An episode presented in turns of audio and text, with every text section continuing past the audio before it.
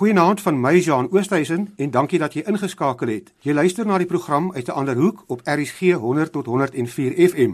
Jy kan ook wêreldwyd op die internet na ons luister by rsg.co.za. Vanaand gesels ek en my twee gaste oor godsdienstvryheid en hoe mens godsdienstvryheid in 'n sekulêre staat moet beskerm en tot watter mate dit in 'n land se grondwet verskans moet word. My twee gaste om saam met my vanuit hulle hoek hieroor te gesels is Renier Skooman. Hy is kommissaris van die Kommissie vir die Bevordering en Beskerming van Kultuur, Godsdiens en Taalregte. Baie welkom aan jou Renier saam met my hier in die ateljee in Kaapstad. Baie dankie. My ander gas is professor Farid Esak. Hy is 'n professor in godsdienststudies verbonde aan die Universiteit van Johannesburg en kom vanuit die Islam geloof. Baie welkom aan jou Farid daar in Johannesburg. Uh, dankie vir die gesprek. Kom ons begin vanaand se gesprek deur te vra hoe belangrik is godsdienstvryheid en kortliks wat verstaan julle daaronder? Renier, kom ek begin by jou. Die kommissie vir die bevordering en beskerming van kultuur, godsdiens en taalregte, dit is 'n kommissie met 'n baie lang naam. Wat is die doel van die kommissie en wat is hulle taak? Baie dankie. Dit is uh, een van die kommissies wat opgestel is in terme van hoofstuk 9 van ons grondwet. Uh, Kollektief word hulle genoem die hoofstuk 9 kommissies. Dis eintlik bedoel om 'n manier te skep waarop dit wat in die grondwet verskans is, dit wat in die grondwet uiteengesit word onder andere vryheid van godsdiens en kultuurbeoefening dat mense daai regte ook het uh, en ook wat ook in ons grondwet verskans is uh, dat dit bevorder moet word. Wat ons probeer doen is om in baie direkte samewerking met gemeenskappe kwessies en dit vind ons baie kwessies wat problematies is neig om na vore te kom. En dit het ons beloof op paar vlakke meer onlangs nou rondom die kwessie van godsdiens maar ook op ander plekke tradisionele sake val ook binne hierdie uh, kommissie.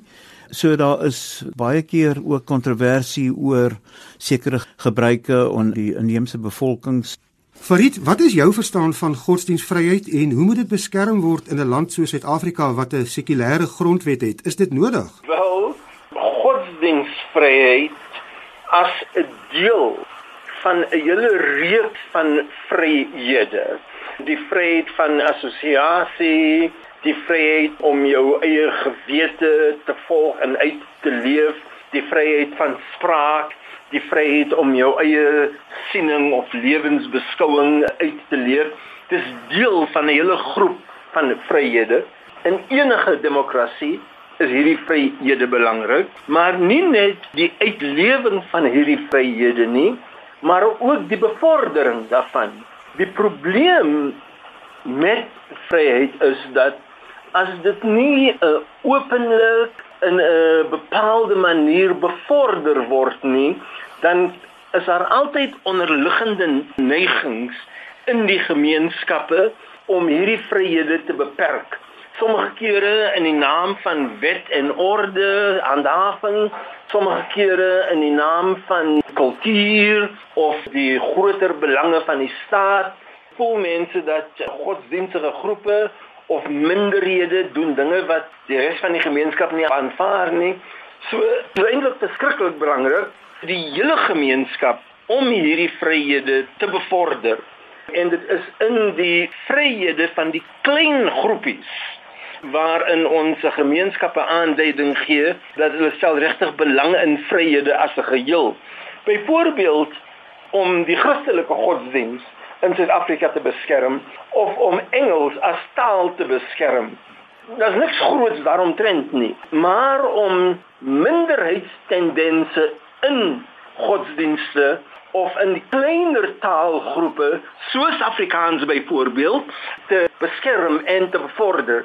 Dit is 'n aanduiding dat jou land en jou gemeenskap is ernstig oor die kwessie van vryhede en diversiteit. Goed, ek gaan nou terugkom daarop by u. Renier, uh, jy het nou nou verwys in jou eerste antwoord dat godsdienstvryheid reeds in die grondwet beskerm word, uh, naamlik die handves van menseregte. Is dit nie voldoende beskerming nie? Waarom moet daar nog 'n kommissie wees om daarna om te sien? Eintlik wat hoort te gebeure met hierdie kommissies is dat daar meer klem moet wees op bevordering eerder as beskerming. Want baie goed wat gebeur wat in die land eh, 'n deel van ons erfenis is, neig ons om as vanselfsprekend te aanvaar terwyl mense nie dit eintlik kan doen nie. En soos professor Fried nou ook gesê het, daar is hierdie is is 'n land van minderhede as jy dit objektief na kyk en die minderhede se belange moet ook na omgesien word. So die beskermingselement neig om baie van ons tyd in beslag te neem. Dit moet ek sê, die 4 jaar wat ek in hierdie kommissie is, het ek agtergekom beskerming neem in 'n mate 'n disproporsionele deel van ons tyd en aandag. Terwyl ons hoort eintlik meer proaktief te kan wees en te kyk na bevordering van die kulturele skatte wat die land het. Farid, jy het in jou eerste antwoord verwys na minderhede. Maar wanneer ons praat van godsdiens, beteken dit dan ook die vryheid om nie aan 'n godsdiens te behoort nie en moet die reg van daardie minderhede wat nie gelowig is nie ook beskerm word? Beslis. Beslis.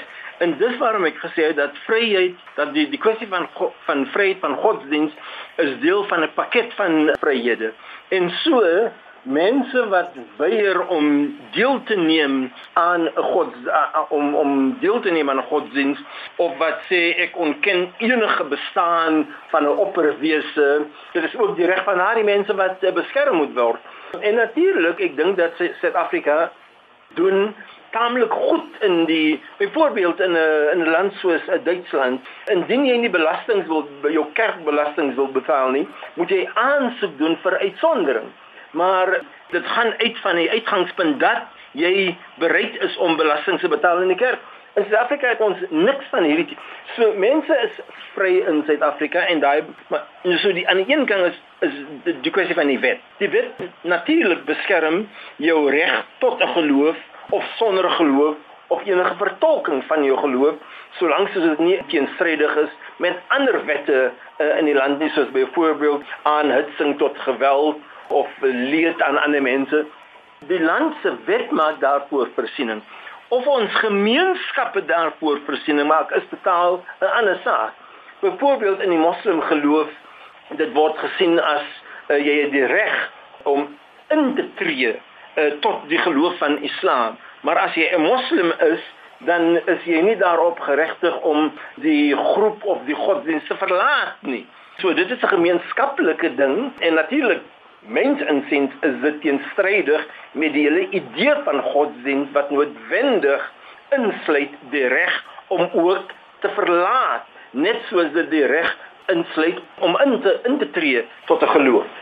Renier, uh, jy praat van bevordering en beskerming, ja. maar as jy praat van bevordering, dan beteken dit nie jy bevorder 'n spesifieke godsdienst nie, is ek reg? Nee, hoe genaamd nie. Inteendeel, wat dit betref om die goeie Engelse term van even-handedness is verseker ons uitgangspunt. Ons onderskei glad nie in terme van kom ons noem dit maar gebrek aan iets anders. Die aanvaar die meriete van die godsdiens wat ter sprake is nie. Dit sou die dood in die pot wees in hierdie land want ons verskeidenheid is 'n gegewe. En ons respekteer daai. Respek vir ander in hierdie land is is een van die fundamentele uitgangspunte van die CRL regskommissie. Dit is een van die heel belangrikste goed want na ons mening is respek vir die ander persoon se taal, sy godsdiens, sy lewenstyl, sy keuses wat hy uitoefen. Respek daarvoor is is die begin van alles. En as jy dit nie respekteer nie, gaan jy dit nie help beskerm nie of bevorder nie. Farid, jy kom uit die struggle jare van apartheid en jy het baie baie diep spore in die land getrap tydens die struggle jare. Jy het self beleef dat 'n sogenaamde godsdienstige staat nie noodwendig menseregte beskerm nie. Dit dit hang 'n bietjie af van van watter tipe van sekulêre staat uh, het jy? Jy kan 'n uh, sekulêre staat soos uh, Frankryk wees byvoorbeeld waar daar geen uh, vryhede vir Jode en vir moslems is om hulle godsdienstige identiteit in die openbaar uit te leef nie. Uh, jy mag nie met die ster van Dawid uh, rondloop of in 'n amptelike gebou instap nie. Vroue, moslim vroue kan nie uh, sluiers dra nie en dit is 'n sekulêre staat. So 'n sekulêre staat in 'n fundamentalistiese sin van die woord kan net so gevaarlik wees vir vryhede as sogenaamde godsdienstige staat Maar op die balans is daar veel beter kans dat in 'n sekulêre staat godsdienste ordentlik sal behandel word as in 'n godsdienstige staat. Godsdienstige state uit die aard van die saak moet voorkeur gee aan die gelowiges van daai spesifieke godsdiens. En die die ander kant van dit is as hulle voorkeur en het het sy nou dit 'n uh, godsdienstige staat is soos Israel of Pakistan of Saudi-Arabië 'n godsdienstige staat wat voor wat noodwendig voorkeur moet gee aan daai gelowiges. Die ander kant van die heiding teken dat hulle moet noodwendig diskrimineer teenoor mense wat nie aanhangers van die staat 'n godsdiens is nie. Renier net kortliks van jou af, jy kom uit die Christelike tradisie ja. en daar is baie mense of Christene wat bekommerd is dat ons nou in 'n sekulêre land leef en dat ons nie meer 'n sogenaamde Christelike staat het nie. Het hulle rede om bekommerd te wees? Nee, want die beskerming wat gegee word deur die staat aan 'n godsdiens, beskerming in 'n sin van spesiale behandeling, is nie die pad om te gaan nie. Daar moet genoeg ruimte wees soos daar is in die grondwet en in in die lewens of die benadering van die bevolking van die land die fundamentele punt van respek vir andersheid respek vir ander godsdienste ruimte vir alle ander godsdienste om te floreer, ook ruimte vir iemand wat glad nie enigins belangstel in godsdienst nie. Die die geheim in 'n land soos hierdie wat so baie uiteenlopend is en en soveel kompeterende belange het in soveel opsigte is om te sê nee, maar ons hanteer dit op 'n billike, eenvormige manier. Farid, jy is 'n islamkundige. Waarom is dit so dat sekere lande se godsdienstbeleid so streng is dat die staat eintlik godsdienst wil bedryf? In die algemeen is dit 'n veel groter verskynsel. Die die die wilte maar ek is dit eens met jou. Um, in die moslimlande, dit is uh, in 'n sekere sin deel van die kultuur in daai lande en dit is in 'n sekere sin die laag vlak van ontwikkeling wat mense voel dat so dit is in 'n sekere sin 'n godsdienstige kwessie, maar dit is ook 'n kwessie van hoe politiek gebruik word of hoe die godsdienst gebruik word in die diens van politiek en veral in die diens van diktatorskappe. Daar is wel 'n betere tendens in Noord-Afrika met die uitsluiting van Egipte in lande soos Algerië byvoorbeeld of Marokko uh, en Tunesië byvoorbeeld as wat daar in die Midde-Ooste is. Maar ek sal so ver gaan om te sê dat dit is 'n Midde-Ooste probleem veel meer as as 'n islam probleem. In Indonesië byvoorbeeld, die grootste moslimland in die wêreld, is islam nie die uh, staatsgodsdiens nie. So dit is 'n Midde-Ooste probleem veel meer as as 'n moslim probleem en dit is 'n kwessie van die gebruik van godsdiens vir noue politieke doeleinde. As jy pas ingeskakel het, jy luister na die program uit 'n ander hoek saam met my Jean Oosthuizen en my twee gaste, Renier Skooman van die Kommissie vir die Bevordering en Beskerming van Kultuur, Godsdiens en Taalregte en professor Farid Essak. Hy is 'n professor in godsdienststudies verbonde aan die Universiteit van Johannesburg vanuit die Islamgeloof. Renier, ons het in die eerste helfte van die program gesels oor die beskerming van godsdienstvryheid, maar daar is ook 'n ander kant van die munt nie waar nie moet mens nie ook beskerm word teen die misbruik van godsdiens nie. Ek dink byvoorbeeld nou aan onlangse gevalle van 'n pastoor wat sy lidmate met doom gespuit het om een of ander gees uit te dryf. In die Oos-Kaap is daar die Seven Angels Ministry waar daar verskriklike goed gebeur het in die naam van godsdiens en beweringe van seksslawe en ek weet nie wat alles nie. Hoe beskerm mense daardie mense teen godsdiensmisbruik?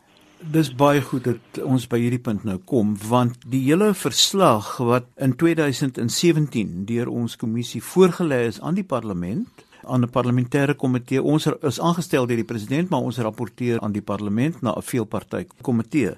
En in daai verslag het ons baie sterk uitgelig die misbruike presies daai ding die brandstof drink petrol drink geld uitbuiting van mense wat nie eens geld gehad het nie en die geval wat jy genoem het van die sogenaamde angels waar dit regtig ekstreem geword het maar daar was in die loop van ons ondersoek was dit duidelik dat daar baie gevalle is van uh, vergrype. Onder andere gebruike van jy weet koop hierdie bottel water wat in die winkel vir jou R5 kos maar, maar daar koop jy hom in die tent of waarever hulle jou hom aan, aanbied vir 20 25 rand daar daar was werklik waar praktyke wat kommerwekkend was en baie van daai praktyke is sistematies uitgelig in ons verslag wat toe gedien het by daai portefeulje komitee.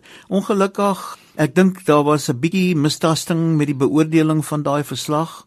Daar was heelwat godsdienstige liggame wat genooi is om te kom getuienis gee. Party het hulle eie agenda gehad, party wat eh, kom getuienis gee, wat selfs mense wat skuldig is aan die soort van aktiwiteit wat op die tafel gebring is. So die gesprek rondom dit was eh, sou ek sê 'n baie onnetjiese gesprek, maar daai kwessie is nog nie afgehandel nie en dit gaan voort. Dit is nou in die parlementêre terrein en ons sal dit daar baie sterk opvolg. Farid, stem jy saam dat mense ook moet beskerming geniet teen die misbruik van godsdiens en godsdiensmisbruik in die algemeen, soos sake waarna Renier nou verwys het en waarvan jy self gelees het in die media? Beslis en dit is 'n groot probleem in die land, maar ek dink dat die uitdaging is, hoe benader mense die probleem? Benader jy die probleem in, in terme van beperk jy nou die gelowe, die uitlewing van van godsdiens of die die gebruik of misbruik daarvan? Hoe vertolk jy eintlik die gebruik of misbruik daarvan? Hierdie dinge gebeur op 'n sosiale vlak meesal onder 'n sekere wel ek wou gesê het eintlik meesal onder 'n sekere ekonomiese klas maar dis nie waar nie baie van die prosperity gospel ek kan nou nie by die Afrikaanse woord kom nie die die prosperity gospel ja. kerke voorspoed teologie voorspoed teologie baie van hierdie kerke is verskriklik aantreklik vir mense wat kom van die middel van die middelklasse af en ook onder mense wat taamlik welgesteld is Die uitbuiting van godsdienst is nie net 'n probleem onder die armer en minder bevoorregte mense nie. So dan is die kwessie van hanteer ons hierdie probleme as blote kriminele oortredings of gaan ons dit nou hanteer as 'n spesifieke klas van oortredings in die godsdienstige gebied? Mens insiens is daar genoeg wette in die land waaronder hierdie tipe van oortredings of misbruik van godsdiens uh, kan gehanteer word en ek sien nie eintlik 'n behoefte daaraan aan nuwe reëls of wette dat die parlement deurgestuur moet word nie. Dis 'n kwessie van die implementasie van die huidige wette in die land en die die gemors waarin daai kwessie is.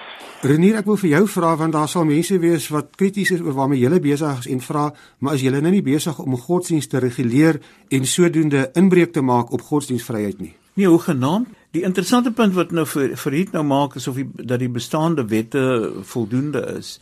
Daar was al genoeg voorbeelde daarvan waar die misbruik wat plaasvind, mense wat in die godsdienst hulle brood en botter nou so probeer invorder dat daai soort van optrede is nie sodanig dat jy hulle noodwendig net van 'n kriminele handeling kan doen nie maar dit verander nie aan die negativiteit van die handeling wat gedoen word deur die die spesifieke persoon wat dit doen nie en bedryf nie.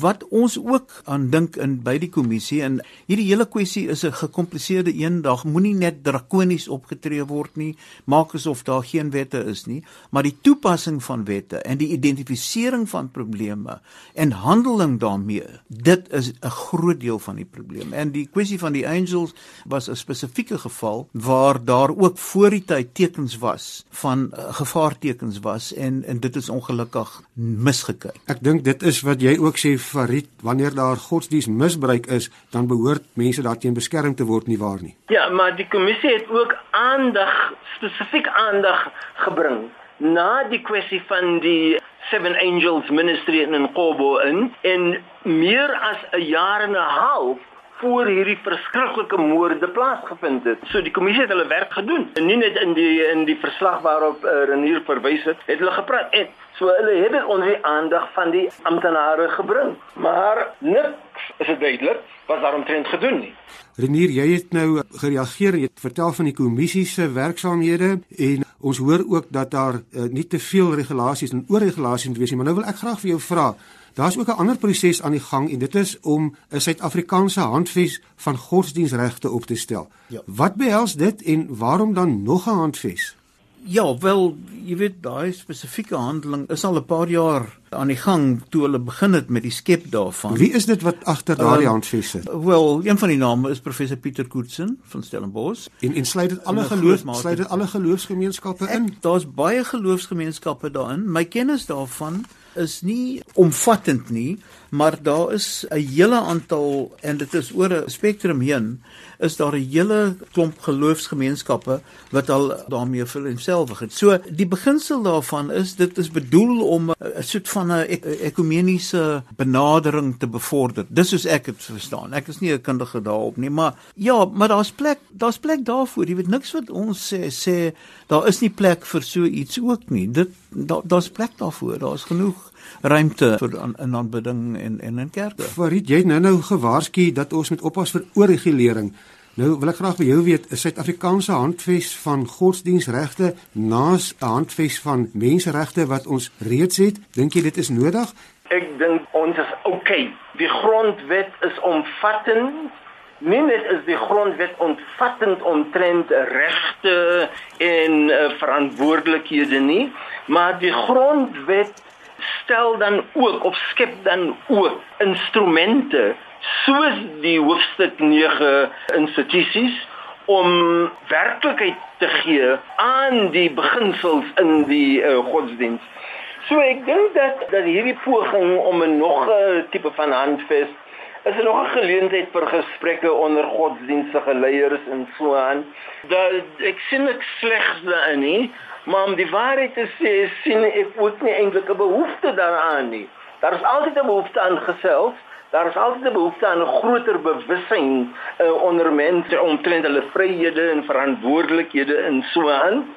Maar in terme van die ethos en die geskrewe woord van ons land se konstitusie, uh, doen ons goed. Dit is een van die beste in die wêreld, nie net so, dis nie net die beginsels wat daar is, maar ook soos ek gesê het, die instellings wat hierdie beginsels en vryhede verantwoordelike lewendig maak is ook voor uh, voorsiening gemaak.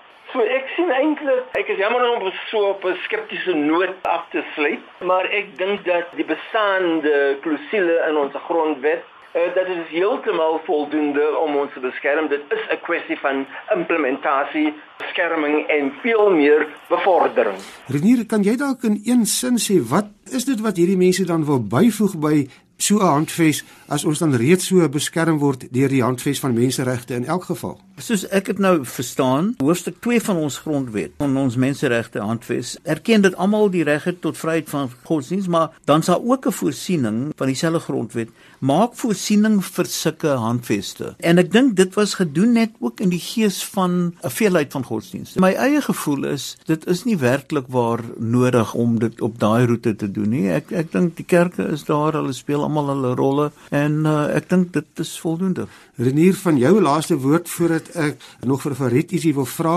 Daar's baie aggressie en antagonisme by sekere godsdienstgroepe teenoor die kommissie wat jy verteenwoordig. Ja. En een van hulle is self die NG Kerk waaraan jy behoort. Waarom is daar dan hierdie aggressie en antagonisme teenoor die kommissie?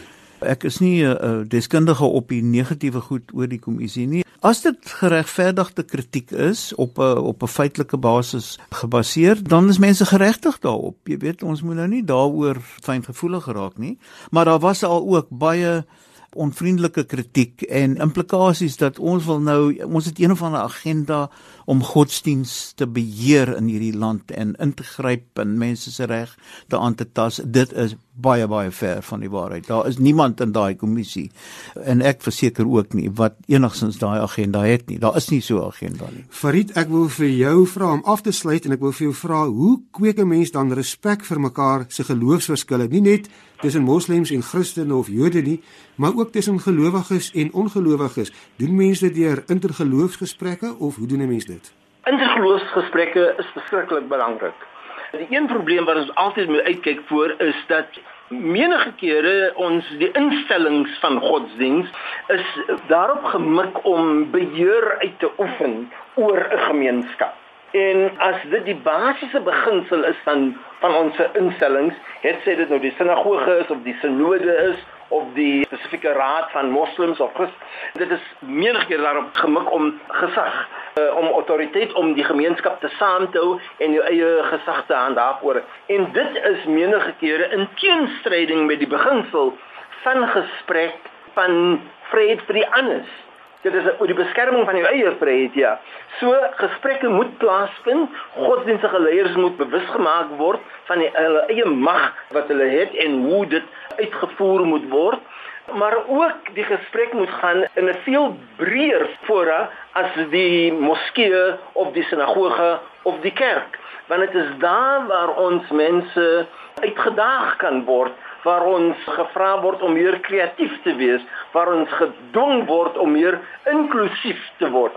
So alhoewel dit 'n stryd gaan oor godsdiens en godsdienstige, is dit 'n stryd wat in die openbaar moet plaasvind en wat ander rolspelers moet behels en nie net beperk moet wees tot godsdienstleiers nie wat in menige gevalle hulle eie mag wat veel meer gefokus is op die behou van hulle eie mag oor hulle spesifieke gemeenskappe. En dit is ook natuurlik die groot klagte wat daar is teenoor die uh, kommissie wat er hier verteenwoordig. Dit is 'n angs dat hierdie mense bedreig ons gesag oor ons eie klein gemeenskappe Ons sou nog sommer baie lank hieroor kon gesels het, maar ons tyd is verstreke. Baie dankie aan my twee gaste, Renier Skuman van die Kommissie vir die Bevordering en Beskerming van Kultuur, Godsdiens en Taalregte en professor Farid Essak, professor in godsdienststudies verbonde aan die Universiteit van Johannesburg vir 'n baie interessante en lekker gesprek. As jy 'n mening hieroor het, kan jy vir ons 'n SMS stuur na 45770. Dit kos jou R1.50 of besoek ons Facebookblad uit 'n ander hoek. My e-posadres is jean@gmail.com. Onthou jy kan ook al die programme as 'n potgooi op RSG se webwerf aflaai. Jy het geluister na die program uit 'n ander hoek net hier op RSG 100 tot 104 FM. Volgende week, dieselfde tyd, kyk ons weer vanuit 'n ander hoek na onderwerpe wat soms buite die gewone hoofstroom godsdiens is.